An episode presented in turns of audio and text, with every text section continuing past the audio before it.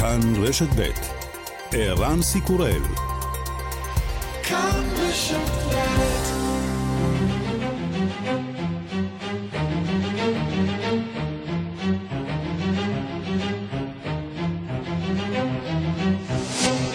השעה הבינלאומית 16 בנובמבר 2021 והיום בעולם. סוף סוף מדברים, נשיאי ארצות הברית וסין קיימו הלילה פסגה וירטואלית בניסיון להרגיע את המתיחות בין שתי המעצמות.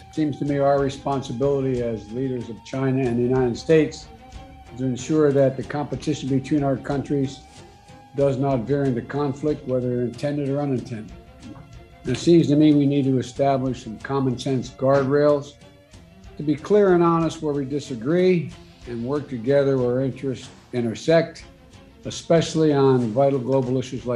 האחריות שלנו כמנהיגי סין וארצות הברית היא להבטיח שהתחרות בין המדינות שלנו לא תהפוך לעימות מכוון או לא מכוון.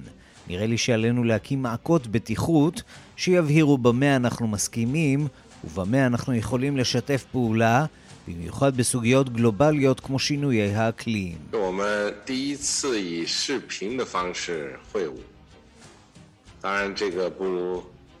直接面对面，呃，但也很不错啊！看到老朋友，我感到很高兴。טוב לראות אותך, אדוני הנשיא, ואת עמיתך, אומר נשיא סין שי.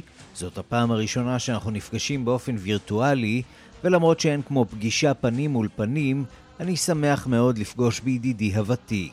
שתי המדינות בשלב קריטי של פיתוח, עלינו למצוא דרכים לשתף פעולה.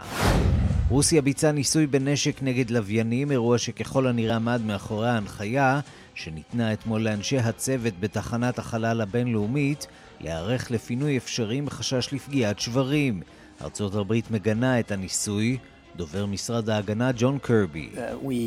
Uh, closely uh, the kinds of capabilities that uh, Russia seems to want um, uh, to develop uh, which could pose a, a, a, threat not just to our national security interests, but the security interests of, of other space-faring nations. אנחנו עוקבים בדריכות אחר היכולות שנראה שרוסיה חושקת בהן, ומאיימות לא רק על האינטרס הלאומי שלנו, אלא גם על מדינות אחרות שפועלות בחלל. Attention, attention. The police inform. If you don't follow the orders, force may be used against you. אלפי מהגרים ממשיכים להתגודד בגבול שבין בלרוס לפולין. הפולנים נחושים לא לאפשר להם להיכנס. הבלרוסים דווקא להוטים לסייע למהגרים ולהכביד על האיחוד האירופי. In the night they told us uh, you will go to Poland. They cut uh, the fence. The Belarusian cut for us and we ran. We ran a lot and then we hide ourselves in the forest. They see us and return back to the site. It's like a football game. We are in the middle. בלילה החיילים הבלרוסים אמרו לנו שנעבור לפולין, אומרת פליטה אחת. הבלרוסים חתכו את הגדר עבורנו, רצנו לתוך היערות, הפולנים תפסו אותנו ונאלצנו לחזור.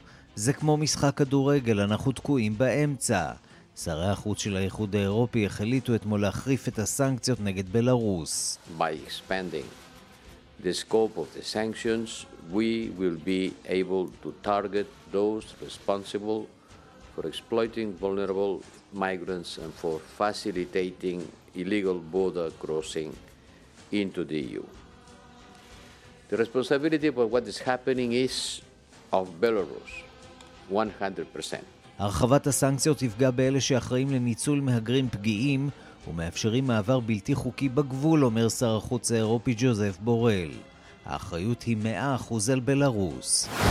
We want to bring you some breaking news coming in from Kampala, Uganda, where an explosion has been reported. Two explosions, to be specific, have been... שני הרוגים ולפחות 24 פצועים בשני פיצוצים שאירעו הבוקר מחוץ לפרלמנט ולמפקדת משטרת קמפלה שבאוגנדה. נסיבות הפיצוצים עדיין לא ידועות, אבל החשד נופל על גורמים אסלאמיים סומליים. וגם...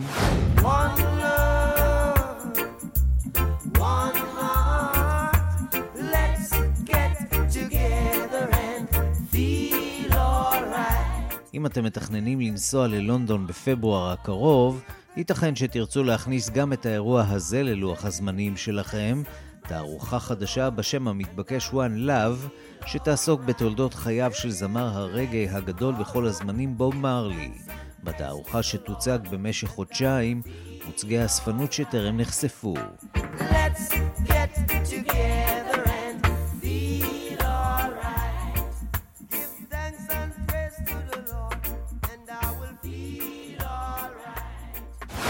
השעה הבינלאומית שעורכת עם אורטל, מפיקה אורית שולץ, בביצוע הטכני יאיר ניומן ושמעון דוקרקר. אני רנסי קורל, אנחנו מתחילים.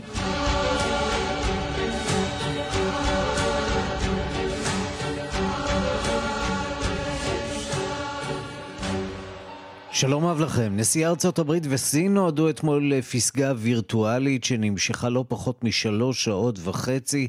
זה היה מפגש ראשון בין הנשיאים ביידן ושי, והם דנו שם במגוון נושאים שבמחלוקת בין שתי המדינות, והם רבים.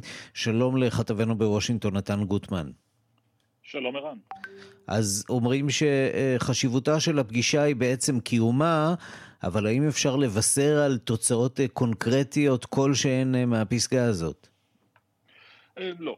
לא, אי אפשר לבשר, אבל כן, לפעמים הקלישאה הזאת על חשיבותה בעצם קיומה היא גם נכונה, כי קודם כל זו פעם ראשונה ששי וביידן נפגשים פנים אל פנים, או כמעט פנים אל פנים, מסך מול מסך, מאז שביידן נכנס לתפקיד.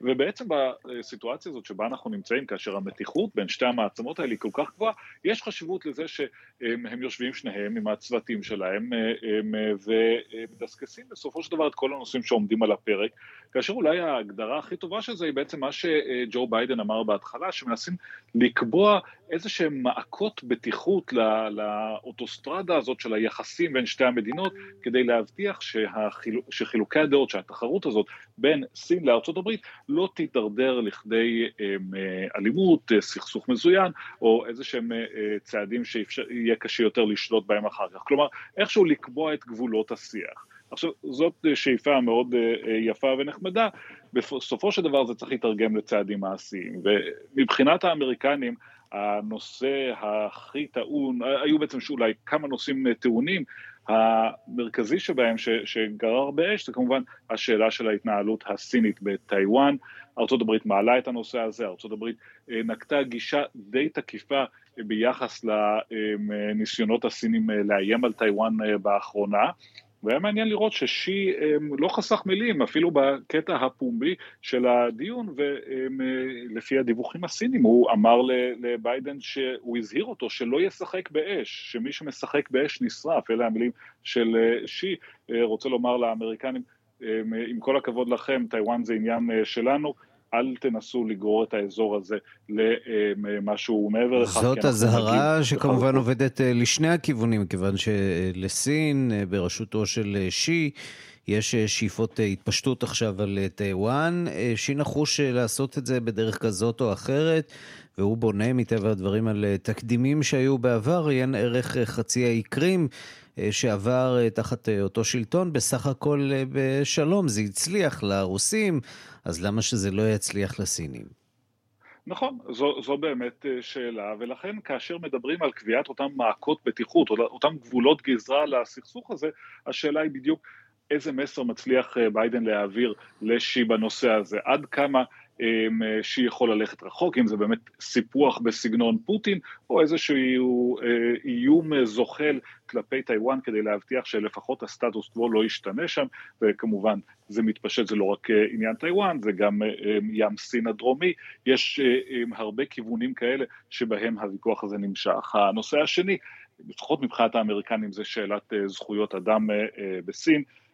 קודם כל אה, אה, שאלת הוויגרים בחבל שנג'נג, אבל אה, גם הונג קונג, גם חופש העיתונות.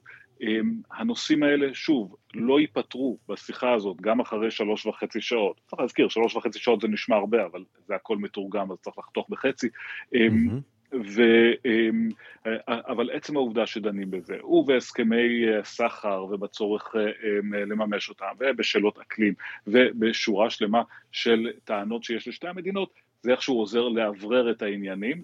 אם זאת פתיחה של דיאלוג אמיתי ופתוח בין שתי המדינות בכל הנושאים האלה, זה יכול לעזור להפיג את המתיחות. אם זה איזשהו ניסיון אחרון אה, לדיפלומטיה לפני שעוברים לעימותים, זה יעזור פחות. נתן גוטמן, כתבנו בוושינגטון, תודה. תודה רבה. אנחנו מכאן לבלארוס ולמתיחות הנמשכת באזור הגבול. בימים הקרובים יחליטו באיחוד האירופי מה יהיו העיצומים המורחבים נגד בלארוס. בעיקר אלו חברות תעופה וסוכנויות נסיעות יידרשו להפסיק כל קשר עם המדינה הזאת על רקע משבר הפליטים בגבול שבין בלארוס לפולין. כתבת חדשות החוץ נטליה קנבסקי שוחחה עם הדובר, הנציג הרשמי של הנציבות האירופית לענייני חוץ וביטחון, פיטר סטאנו. הנה דיווחה. האיחוד האירופי החליט להרחיב את העיצומים נגד משטר לוקשנקו על רקע מה שבריסל מכנה משבר הומניטרי מלאכותי ומתקפה היברידית של מינסק בגבול המזרחי של האיחוד. בריאיון מיוחד לשעה הבינלאומית סיפר פיטר סטאנו, הנציג הרשמי של הנציבות האירופית לענייני חוץ וביטחון, שבין מדינות האיחוד יש אחדות דעים מלאה בסוגיה הזאת, וההוכחה לכך ההחלטה שהתקבלה אתמול בוועידת שרי החוץ בבריסל. Well, there is absolute unity within the European Union among our 27 member states that we will not back down from the hybrid attack uh, Lukashenko בשאלה הזאת חברות האיחוד מאוחדות בהחלט, הן בכוונתנו לסגת אל מול המתקפה ההיברידית הזאת מצידו של משטר לוקשנקו, לא נאפשר לו להפעיל עלינו לחץ באמצעות השימוש לרעה באנשים בצרה, באמצעות שקר ציני כדי להביא את האנשים האלה לבלארוס, תוך הבטחות כזב של מעבר פשוט וקל לשטחו של האיחוד האירופי. יש לנו חזית אחידה מול לוקשנקו וניתן לו מענה הולם, לשון פיטר סטאנו. לדבריו, הסבב החמישי של העיצומים הוא הכלי שמלווה את מדיניות האיחוד מול מינסק, אך לא הכלי היחיד. Our, we have at our disposal sanctions are only accompanying our policies. So one has to see the impact of all the policies. And uh, the aim of our sanctions on צריך לראות את מכלול הצעדים, מטרת העיצומים מצד אחד להפסיק את הרדיפה הפוליטית בתוך בלארוס נגד מתנגדיו של לוקשנקו, ומצד שני מטרתם לשים קץ למתן החסוד של המשטר הזה ליבוא אזרחים זרים כדי בהמשך לדחוף אותם לגבול האיחוד האירופי. המדיניות הזאת שלנו כבר נותנת תוצאות, בעבר כבר היו ארבעה סיבובי עיצומים בגין הפרת זכויות האדם וסילוף תוצאות הבחירות. העיצומים האלה הם כן מכה כואבת ללוקשנקו, טוען נציג האיחוד האירופי, וההוכחה לכך היא העובדה שמינסק תכננה את משבר הפליטים בגבול עם פולין כדי לתת מכת נגד לאיחוד, אם כי לתשובה הזאת אין שום היגיון, אומר פיטר סטאנו. להפך, הדבר לא רק שלא שכנע את בריסל לבטל את הסנקציות נגד בלארוס, אלא חיזק את כוונתה להרחיב אותן. This is both inhuman legal and the European Union will not be intimidated in this way by Lukashenko regime מה שלוקשנקו עושה זה לא אנושי, האיחוד האירופי לא יאפשר למשטרו להפחיד אותו באמצעות משבר הומניטרי מלאכותי, בעבור לוקשנקו זה רק המסווה להמשך הדיכוי של עמו, אומר נציג האיחוד האירופי. לדבריו, בריסל קוראת למינסק לאפשר לאנשים שתקועים בגבול עם פולין לחזור אל תוך שטח בלארוס כדי לעלות לטיסות חזרה למדינותיהם, או כדי להגיש בקשה למקלט. לדברי סטאנו, מבחינת בריסל, בלארוס היא מדינה בטוחה למהגרים, כל עוד אינם מעורבים בפעילות הפוליטית, כי אין במדינה הזאת מלחמה, והיא אכן חייבת לאפשר למבקשי מקלט להגיש בקשות כאלה אם הם חפצים בכך. שלום לפרשן לענייני רוסיה ומדינות ברית המועצות לשעבר, יאיר נבות. שלום ערן. נתחיל אולי באמת עם אה, בלארוס והמתיחות אה, הגוברת שם. עכשיו זה כבר מתחיל להיות לא רק סיפור של האיחוד האירופי, אלא אה, סיפור של נאט"ו. אולי מלכתחילה היה מזכ"ל נאט"ו יאן סטולטנברג מביע דאגה מהאופן שבו שליט בלארוס משתמש במהגרים פגיעים, והוא אומר שהחיים שלהם נמצאים בסכנה בגלל ההתנהגות של לוקשנקו, והוא מביע סולידריות עם פולין ושאר המדינות ששכנות לבלארוס, מבטיח גם להעניק סיוע לאוקראינה, נוכח הדיווחים שרוסיה מזרימה כוחות לאזור. האם אנחנו עומדים במגמה של הסלמה על רקע הסיפור הזה? בהתחשב בברית החזקה בין רוסיה לבלארוס? אז אנחנו רואים מספר סימנים שעל פיהם אנחנו אכן עומדים לפני אולי הסלמה בזירה הזאת. אני רוצה רק לומר בנוסף שאנחנו שומעים בדקות האחרונות על הידרדרות ממש בגבול בין בלארוס לבין פולין, אנחנו רואים עימותים אלימים בין אה, אותם אה, אה, מהגרים שמנסים ממש לפרוץ בכוח את הגדרות של הגבול, ומהצד השני עומדים חיילים פולנים, אנחנו רואים משאיות גדולות עם זרנוקי מים, רימוני גז, אז ממש בזמן שאנחנו מדברים, ערן, יש הסלמה במצב שמתרחש שם, ואני חושב שחשוב לנסות ולחבר את החוט שמקשר בין כל הדברים הללו. אנחנו רואים את המתיחות בגבול בלרוס-פולין מצד אחד, אנחנו רואים את המתיחות בין רוסיה לבין אוקראינה, ריכוזי צבא גדולים של הרוסים סמוך לגבול עם אוקראינה, ריכוזי אגב, ריכוזים גדולים יותר מאשר אלו שהיו באביב, וזו גם אחת הסיבות לדאגה הגדולה שאנחנו שומעים מכיוון נאט"ו וארצות הברית והאזהרות שמשוגרות. אז יש כמה וכמה זירות שבהן יש הסלמה, השאלה הגדולה היא האם זה יגיע לכדי עימות, יש כאלה שסבורים שמה שאנחנו רואים בגבול בין בלרוס לבין פולין הוא בעצם סוג של ניסיון אולי להסחת דעת ממה ש... מתרחש בגבול רוסיה-אוקראינה, שם כאמור הרוסים ממשיכים לבנות כוח צבאי גדול מאוד לא רחוק מהגבול. אתה אומר שבעצם אולי יש כאן איזה סוג של תרגיל שמטרתו למשוך את תשומת הלב העולמית לזירה אחת, בעוד שהזירה המעניינת יותר שבה באמת מתבצעים מהלכים רוסים היא זירת הגבול עם אוקראינה. כן, זו אחת אה, ההנחות, משום שהמשבר הזה, משבר המהגרים, משבר הפליטים, איך שלא אה, נקרא לו, הוא אה, כמובן מושך בצדק רב, צריך לומר, את תשומת הלב העולמית. מדובר במשבר הומניטרי גדול מאוד, יש שם לא מעט, שם לא מעט ילדים. ונשים, ולכן ברור שתשומת הלב מופנית כרגע לשם, וזה מאפשר גם, אגב, לנשיא לוקשנקו, אם, אם תרצה להעניש או לפגוע חזרה באיחוד האירופי על הסנקציות שהוטלו עליו, ובעוד אנחנו מדברים, ממש עומדים להצהיר בשעות הקרובות על חבילת סנקציות נוספת. קשה יותר נגד משטרו של לוקשנקו ובלרוס עצמה ומוסדות ממשלתיים, כך שהסיפור הזה לא הולך להסתיים בקרוב וצריך כל הזמן לשמור עין פקוחה גם כאמור על מה שמתרחש בגבול בין רוסיה לבין אוקראינה. בואו נדבר על אה, זירה אחרת, אה, אולי לא מנותקת אה, לחלוטין, אבל רחוקה הרבה יותר. זה קורה בחלל, רוסיה מעוררת את זעמה של ארצות הברית בעקבות ניסוי שהיא ביצעה, ובמסגרתו היא שיגרה לחלל הלילה טיל נגד לוויינים לעבר לוויין ישן מהתקופה הסובייטית. הטיל הזה פגע בלוויין והשמיד אותו כמובן, אבל הפגיעה גרמה להתפזרות של אלפי חלקיקי פסולת שהעמידו בסכנה את פעילות תחנת הכוח הבינלאומית והאסטרונאוטים שפועלים בתוכה, כולל שניים רוסים. צריך לומר שזאת לא הפעם הראשונה שרוסיה עורכת ניסוי כזה, נכון? אז זהו, שזו סוגיה אה, מעניינת, משום שהניסוי הזה, מה שמיוחד בו, הוא שלראשונה רוסיה בעצם אה, משגרת טיל אה, מהקרקע.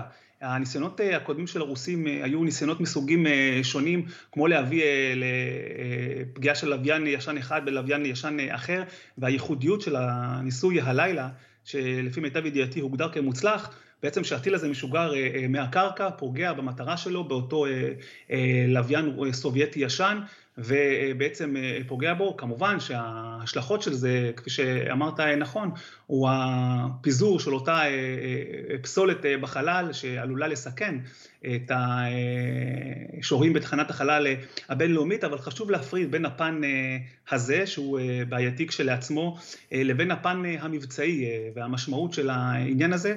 אנחנו צריכים להבין שיש תחרות בין מעצמתית, לא רק רוסיה מעורבת בה, גם הודו, גם סין, גם כמובן ארה"ב, להגיע להישגים מבצעיים בחלל. צריך לזכור שבמידה במידה ש... רבה חזרנו למלחמת הכוכבים של שנות ה-80. מלחמת הכוכבים. נכון, mm-hmm. בפן אחר, מתוחכם הרבה יותר, מתקדם הרבה יותר, אבל אם אה, מדינה כלשהי תשיג את היכולת למשל להשמיד אה, לוויינים אה, צבאיים ששוהים בחלל לצרכי מודיעין ולהשמיד אותם, הרי שמדובר ביכולת אסטרטגית מהמדרגה הראשונה, חשוב להצהיר שהיו כבר מדינות אחרות שהקדימו את רוסיה מהבחינה הזאת, הראשונה שבהן היא סין, שביצעה ניסוי, ניסוי, ניסוי דומה בשנת 2007, גם ארצות הברית ואפילו אה, אה, הודו לפני כשנתיים, כך שרוסיה בעצם אה, מצטרפת לתחרות הזאת בחלל, כמובן שיש לזה השלכות מסוכנות מאוד, משום אותם, אותה פסולת שניסויים כאלה גורמים להתפזרותה בחלל ועלולים כאמור לסכן את השוהים בתחנת החלל הבינלאומית. יאיר נבות, אה, פרשן לענייני אה, רוסיה ומדינות אה, ברית המועצות לשעבר, תודה רבה לך. תודה, ערן. ושלום לדנה לין ברנד. שלום, מה נשמע? מהנדסת חלל, מומחית לזבל בחלל. בואי נתחיל אולי באמת עם uh, הגדרת הבעיה, מהו זבל חללי ועד כמה אנחנו צריכים להיות מוטרדים מהסיפור הזה. אה, מאז שבני אדם אה, התחילו לשלוח אה, דברים לחלל, בעצם התחלנו להשאיר שם דברים, חלקי משגרים, לוויינים שלא עובדים, לוויינים שהתפוצצו, לוויינים שפוצצנו בכוונה. כל הדברים האלה נשארו בחלל ומקיפים אותנו. בעצם לוויין שמפסיק לעבוד, אז נשאר במקום שלו ומקיף את כדור הארץ, ורק אה, נופל אם הוא מספיק נמוך והאטמוספירה מושכת אותו אה, כלפי מטה, אחרת הוא עדיין איתנו שנים רבות. עד כמה באמת פגיעה בלוויין כזה יכולה לגרום אה, לנזק גם על כדור הארץ וגם נניח לתחנת החלל הבינלאומית? הלוויין הזה הוא לוויין, היה מאוד גדול, הוא שקל כמעט שני טון, ולכן נוצרו יותר מ-1,500 חלקיקים. שיותר גדולים מעשרה סנטימטר, כל חלק כזה אה, יכול לנוע במהירות של אה, שבעה קילומטר לשנייה ולעשות אה, חור משמעותי בכל מה שהוא מתנגש. וזה העמיד בסכנה גם את תחנת החלל שהייתה באותו מסלול כמו ענן השברים הזה. ואם החלקים האלה היו מתנגשים בתחנה, היה יכול להיווצר מצב של הורדת לחץ או חור בתחנה בצורה שהיה צריך אולי לפנות אותה באופן מיידי. ולכן האסטרונאוטים היו אה, צריכים להתפנות לחלליות למקרה שהם צריכים היו לעשות פינוי מיידי. עכשיו אנחנו אה, שומעים באמת בימים האחרונים על העיסוק המוגבר אה, כאן אצלנו ובעולם בכלל בנוגע להסכמות בתחום האקלים והסדרים בתחום, בתחום הזה. השאלה עד כמה בזירה הבינלאומית יש תיאום והסכמות בתחום הזה, בתחום של פסולת חלל. אה, שר החוץ של רוסיה אה, אומר אה, הבוקר, אנחנו מנסים דווקא להגיע להסכמות עם ארצות הברית, אבל ארצות הברית היא זו שמתעלמת מכל ניסיון שלנו להגיע להסכם אפשרי בנוגע לתחום הזה של פסולת בחלל. הנושא של פסולת בחלל הוא תחום שתופס תאוצה ויש כוונות להגיע להסכמות, אבל אין עוד משהו מעשי היום בפועל. אה, וזה אומר שגם הרבה אה, גופים, אה, לא רק מדינות, גם גופים עצמאיים, יכולים לשגר לוויינים בכמויות מאוד גדולות ולהשאיר את כל הרכיבים שלהם בחלל. יש כוונות להגיע להסכמות, אבל עוד, עוד לא הגיעו למצב, גם אין מי שיאכוף את, את הרגולציה הזאת, אז בפועל כל מדינה יכולה לעשות מה שהיא רוצה, כל עוד כמובן הזבל הזה לא פוגע במדינה אחרת. וזה כרגע עוד לא קרה. זה עוד לא קרה, אבל אה, זה רק עניין של זמן כנראה. זה רק עניין של זמן. אה, אם אנחנו מסתכלים על כל הגופים סביב כדור הארץ, אה, יש יותר מ-40 אלף גופים שעוקבים עליהם בגודל של עשרה סנטימטר ויותר, ומדובר במאות ומיליונים של חלקיקים אחרים, וכמויות הלוויינים שאנחנו מתכננים לעלות בשנים הקרובות, כל המדינות השונות מגיעות לעשרות אלפים. כך שזה מצב שאילולא רגולציה יכול להגיע להתפוצצות ולמצב בעייתי, בעיקר אם רוצים לדבר על תיירות חלל או תחנות חלל פרטיות וכל אלה. ואם נדבר על אותו אה, נשק שבו השתמשו אה, הרוסים כדי ליירט את הלוויין הזה, שהוא אה, כאמור לוויין שלהם, עד כמה מדובר כאן בטכנולוגיה חדשנית שצריכה אה, להטריד את אה, מדינות המערב?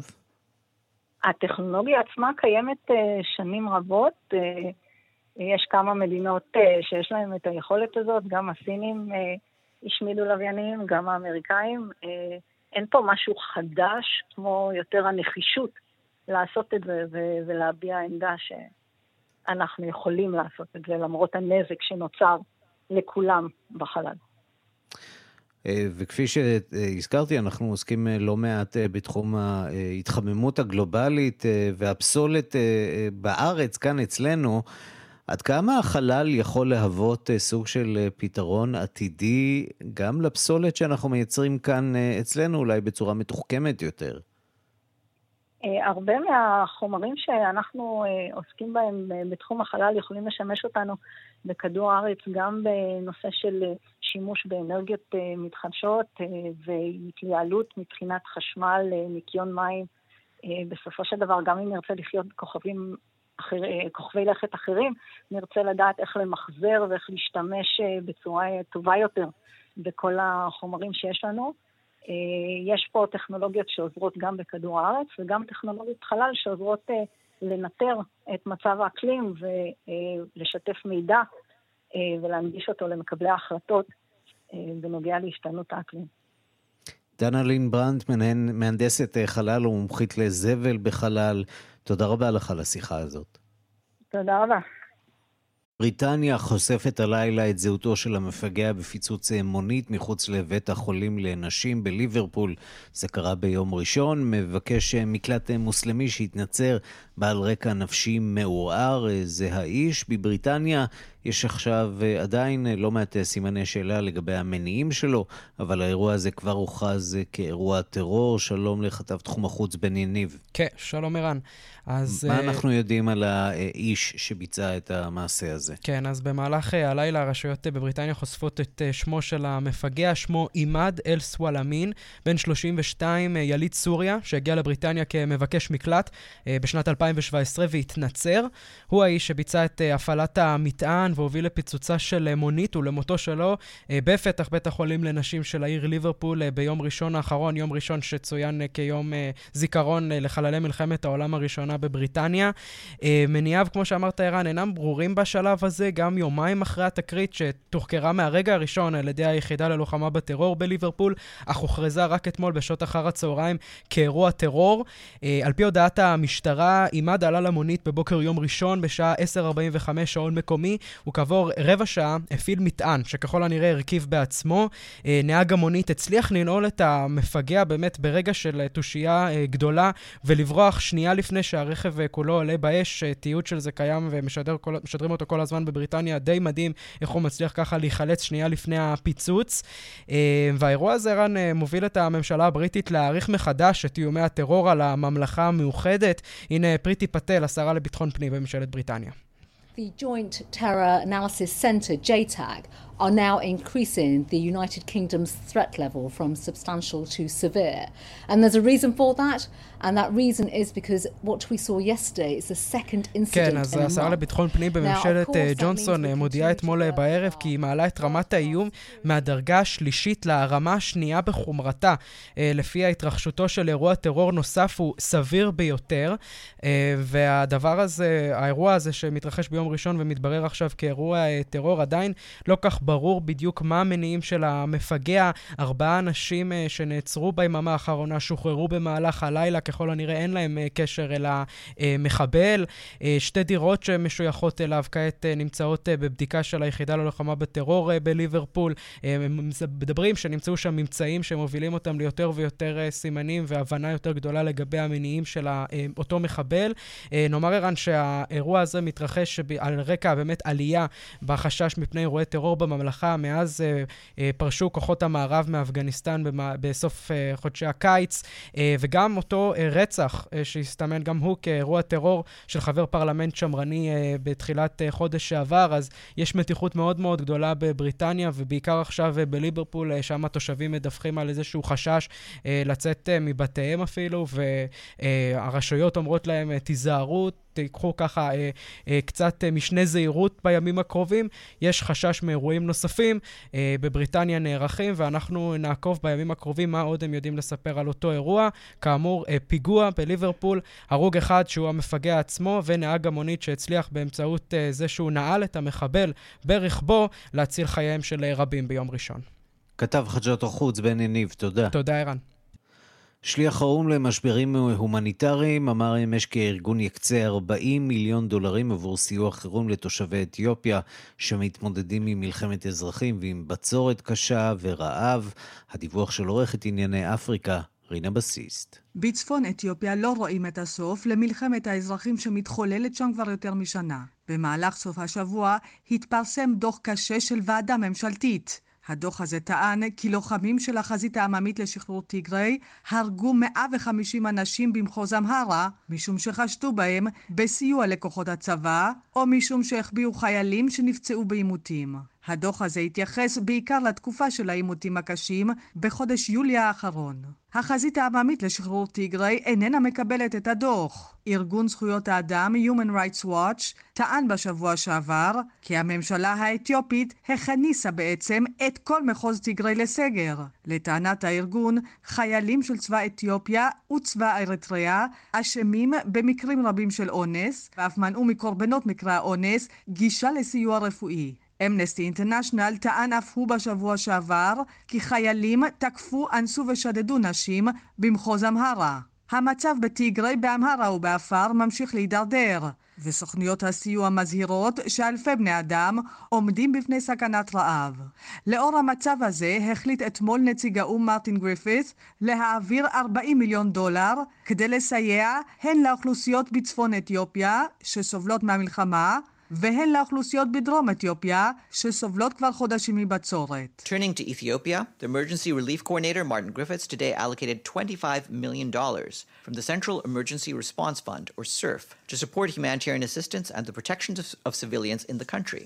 A $15 million allocation from the Ethiopia Humanitarian Fund was also announced. מתאם סיוע החירום מרטין גריפיס החליט היום להעביר 25 מיליון דולר מקרן סיוע החירום כדי לעזור לאזרחים המתמודדים עם המשבר ההומניטרי וכדי להגן עליהם. ההחלטה גם התקבלה על העברה של 15 מיליון דולר מקרן הסיוע ההומניטרי לאתיופיה. הכספים האלה יעזרו להגביר את המענה לפעולות ההומניטריות הנדרשות באזורים הצפוניים של אתיופיה הסובלים מהעימותים וגם לאזורים בדרום המדינה אשר סובלים מבצורת מתמשכת. כך אמר דובר מזכ"ל האו"ם אתמול בתדרוך היומי שלו. ההחלטה הזאת התקבלה בברכה כמובן מצד ארגוני הסיוע, אבל היא לא פותרת את הבעיה הלוגיסטית המרכזית. ממשלת אתיופיה מקשה ואף חוסמת הכנסה של סיוע של מזון ותרופות לאזורי הלחימה. כאן רינה בסיסט.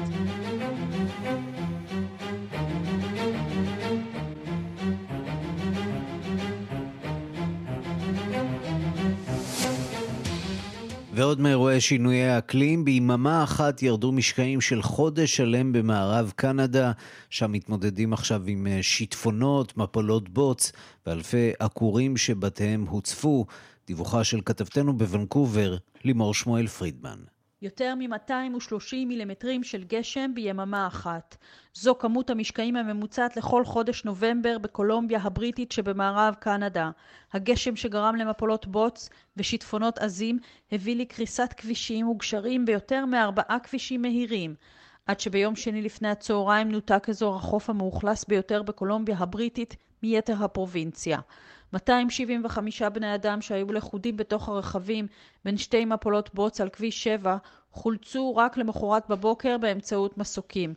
כתב CTV מתארת ששמע ממשפחה אחת שניצלה כשהכביש תחתיה נשטף. And all of a sudden, out of nowhere, the trees, the rocks came down. They remember tumbling off the road. The vehicle somehow was right side up in a ditch. They climbed out through the sunroof of the truck, were on the roof of the car, screaming for help, shouting for help. בוץ, אבנים ועצים הסיטו את הרכב לשוחה. בני המשפחה הצליחו לטפס על גג המכונית והם בילו את הלילה במכונית אחרת עד לחילוץ בבוקר. בינתיים נהרות שעלו על גדותיהם ביישובים מריט, אבוטספורד, פרינסטון וצ'יליוואק לא השאירו מקום לספק, חייבים לפנות תושבים. מדובר בעשרות אלפי תושבים שהובלו ליישובים סמוכים, שעתיים נסיעה. מחצית מהתושבים ביישוב מריט התפנו אחרי שהנהר קולדווטר עלה על גדותיו ושניים משלושת הגשרים ביישוב נחרבו. כשהשיטפונות השביתו את מערכת הביוב והרחובות הפכו לנהרות זורמים, פונה כל מי שנשאר ביישוב, בסך הכל כשבעת אלפים בני אדם. חפצים, חלקי בתים, פחי אשפה, בוץ ועצים צפים במרכז העיר, במה שהיה פעם כביש ועכשיו נהר גועש. ראש עיריית פרינסטון, ספנסר קוין, עומד באחד הרחובות מאחוריו מכונית חונה שוקעת לאיטה במים. לדבריו זו הפעם הראשונה שזקני היישוב זוכרים כמות גשם שכזו. I've lived here most all my life and uh, I've never seen water like this and I've had people stopping and talking to me and uh, they've never seen water like this either.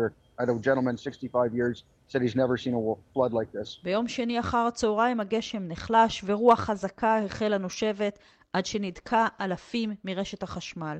זו רק תחילתו של החורף במערב קנדה, ואזור החוף נותק כליל ממרכזה של הפרובינציה ביממה אחת, שבה ירדו משקעים של חודש שלם. מוונקובר, לימור שמואל פרידמן. השעה הבינלאומית, כתב עת מדעי מפרסם מאמר של חוקרים מארצות הברית וארגנטינה הטוענים כי אובחנה אישה שהצליחה להיפטר בדרך הטבע מנגיף HIV שכונן בגופה. מדובר במקרה שני בלבד לכאורה שמתועד בספרות המדעית. אנחנו רוצים לומר שלום לדוקטור איציק לוי, מנהל יחידת איידס ומחלות מין במרכז הרפואי שיבא, שלום לך.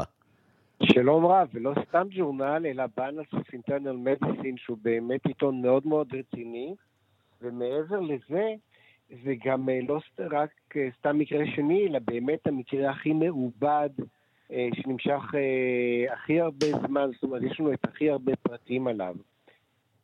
איך זה קורה שאישה מצליחה להחלים מנגיף ה-HIV? אז קודם כל, אגב, גם החוקרים עצמם כמובן לא קוראים לזה החלמה, כי בעצם אנחנו לא באמת יכולים להכריז על החלמה מ-HIV. מה שהם גילו באמת זה שבלי טיפול תרופתי, היא מתנהגת כמו אחת שמקבלת טיפול תרופתי. כלומר, לא ניתן למצוא את הנגיף בדמה. עכשיו, מעבר לזה, גם כשלקחו מיליוני תאים שבהם uh, הנגיף לפעמים מסתתר, אפילו באנשים שלהם נותנים טיפול תרופתי, משהו שאנחנו קוראים לו המאגר או הרזרבואר, לא הצליחו למצוא גנים של אותו נגיף באותם תאים. עכשיו, אתה יודע, אי אפשר לנבא מהיום ועד uh, קץ הדורות, האם עוד 20 שנה פתאום הנגיף הזה יוצא החוצה, לכן לא מכריזים על החלמה, אבל בעצם זה החלמה לכל דבר. עכשיו, מה שקורה... ובעצם היא לא מקבלת uh, טיפול. נכון. עכשיו, יש כמה אלפי אנשים, מתוך, אתה יודע, עשרות מיליוני נשאים, נמצאו כמה אלפים שאנחנו קוראים להם אה, פקחי עילית, או עילית mm-hmm. controller, זאת אומרת, זה אנשים שבאמת אתה עושה להם בדיקות ואתה לא רואה את הנגיף בדם שלהם, אבל ברוב רובם, אם אתה תלך ואתה תחפש באותם מאגרים, ב reservoir, אתה תמצא חלקיקים גנטיים של הנגיף. מה שמיוחד אצל האישה הזאת, שלמרות שבדקו את זה, כפי שאמרתי, בהמון המון אה, תאים, ממש אה, מיליונים של תאים, לא הצליחו למצוא באף אחד מהם חלקיקים אה, גנטיים של נגיף. וזה באמת יופי של דבר. עכשיו, ב... מה אנחנו יכולים דבר... ללמוד מזה? מה, או, מה, מה אפשר כן, להסיק כן. מזה? עכשיו, יש בשאר ה-Elite Controllers, אז מצאו כל מיני סיבות, חלקן קשורות לפונדקאי, כלומר לנשא או לנשאית, חלקן קשורות לנגיף עצמו, זאת אומרת חלק פשוט נדבקו בסוג של נגיף מקולקל, ואני מאמין שכן, התאים שלה שמפוזרים כרגע גם בארגנטינה וגם במעבדות רבות בארצות הברית, ועובדים עליהם באמת מיטב המוחות כדי לראות בדיוק מה הסיפור אצלה. זאת אומרת, מה אצלה מקולקל, אה, במרכאות, בנגיף, בדם שלה, במערכת החיסון שלה, כדי ללמוד מזה בעצם שני דברים. א', אולי איך אנחנו יכולים לחסן אנשים שאינם נשאים בשביל שבכלל לא יידבקו בנגיף, mm-hmm. או מצד שני, באמת איך לפתח משהו קורטיבי, משהו מרפא. אז כמה באמת ש... אנחנו קרובים לעניין הזה של חיסון נגד ה-HIV, וירוס שהולך איתנו כבר כמה וכמה עשורים, אנחנו ראינו כמה מהר הצליחו להתארגן כן. עם החיסון נגד קורונה. פה זה סיפור יותר מסובך, נכון. כיוון שמדובר בווירוס מורכב הרבה יותר, נכון? מאוד מתוחכם. אתה יודע, כמעט אמרתי את המשפט הכי מטומטם שאפשר להגיד, שזה אנחנו קרובים יותר מתמיד, אבל הרי כל יום אנחנו קרובים יותר מתמיד. אבל אם לפני חמש שנים בכלל לא הייתי מעז להגיד שאנחנו קרובים, דווקא בעקבות כל הסיפור עכשיו של המסג'ר RNA, כל הסיפור באמת של למצוא חולים כמו החולה הזאת, החולה הארגנטינאית, אה, מקרבים אותנו בצעדי ענק. אגב, אני רוצה להגיד שכל החיסון של הקורונה, כן, למה הוא בעצם כל כך מהר בשוק? פשוט כיוון שביל קלינטון בזמנו, לפני 15 שנה, בא לפאוצ'י ואמר לו, אתה תקים פה בניין עכשיו, שיקרא ה Vaccine Research Center, אתה תשקיע את כל מרצך ואני אשקיע את כספי, ואנחנו נפתח חיסונים נגד HIV, במקור זה היה נגד HIV. אז uh, תראה איפה הגענו, שמאותו mRNA, כן, שיועד בתחילה לפתח חיסון ל-HIV, חיסנו, uh, פיתחנו כבר חיסון לקורונה. אני מאמין שזה באמת עניין uh, של שנים ספורות. עד שנראה גם חיסון מאוד יעיל. נחזיק אצבעות, זאת תהיה בשורה טובה מאוד uh, לרבות ממדינות uh, אפריקה, וכמובן גם לרבים uh, במערב, שעדיין מתמודדים עם הנגיף הנבזי הזה. דוקטור איציק לוי, מנהל יחידת איידס ומחלות מין במרכז הרפואי שיבא, תודה רבה לך. תודה לך.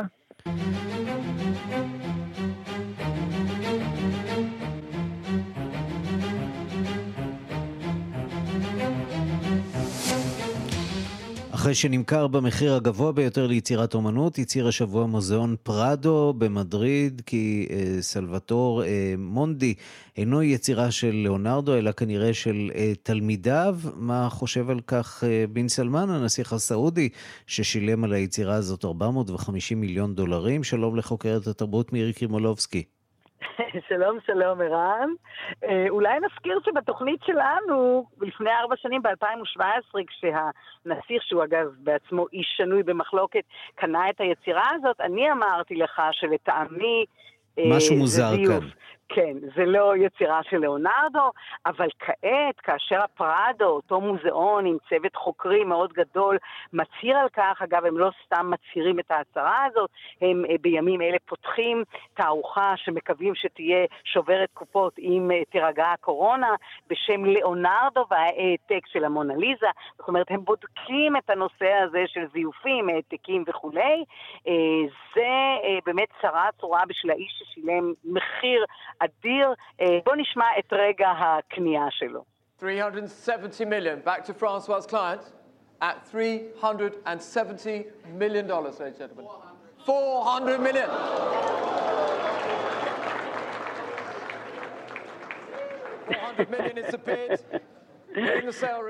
תגידי, יש פתק החלפה על הדבר הזה?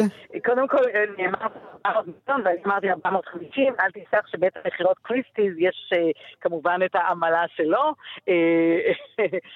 כן, באמת אה, סיפור מאוד מאוד בעייתי, כי ברגע אחד ערך היצירה התרסק ממש, mm-hmm. ואיך אני ידעתי אגב שזה כנראה לא היצירה, אני חייבת לומר שבתוכנית שלך ב-2011 אני שידרתי מלונדון, אה, פעם ראשונה שהוצגה היצירה, אז אגב זה היה אחרי שמישהו קנה אותה באיזה 1,175 דולר בארצות הברית, ופתאום אה, הם שרוצים לעשות, הם עשו את התערוכה הראשונה של ליאונרדו עוד לפני שנת ה-500 שהייתה ב-2019, ושם בעצם הם כאילו החליטו, הבריטים, שהם יציגו את היצירה הזאת, שהיא בסדר. מה שהם לא אמרו, שכחו לומר, שבוועדה שישבה ובדקה, שניים אמרו שזה העתק, שניים אמרו שזה אותנטי, ושניים נמנעו.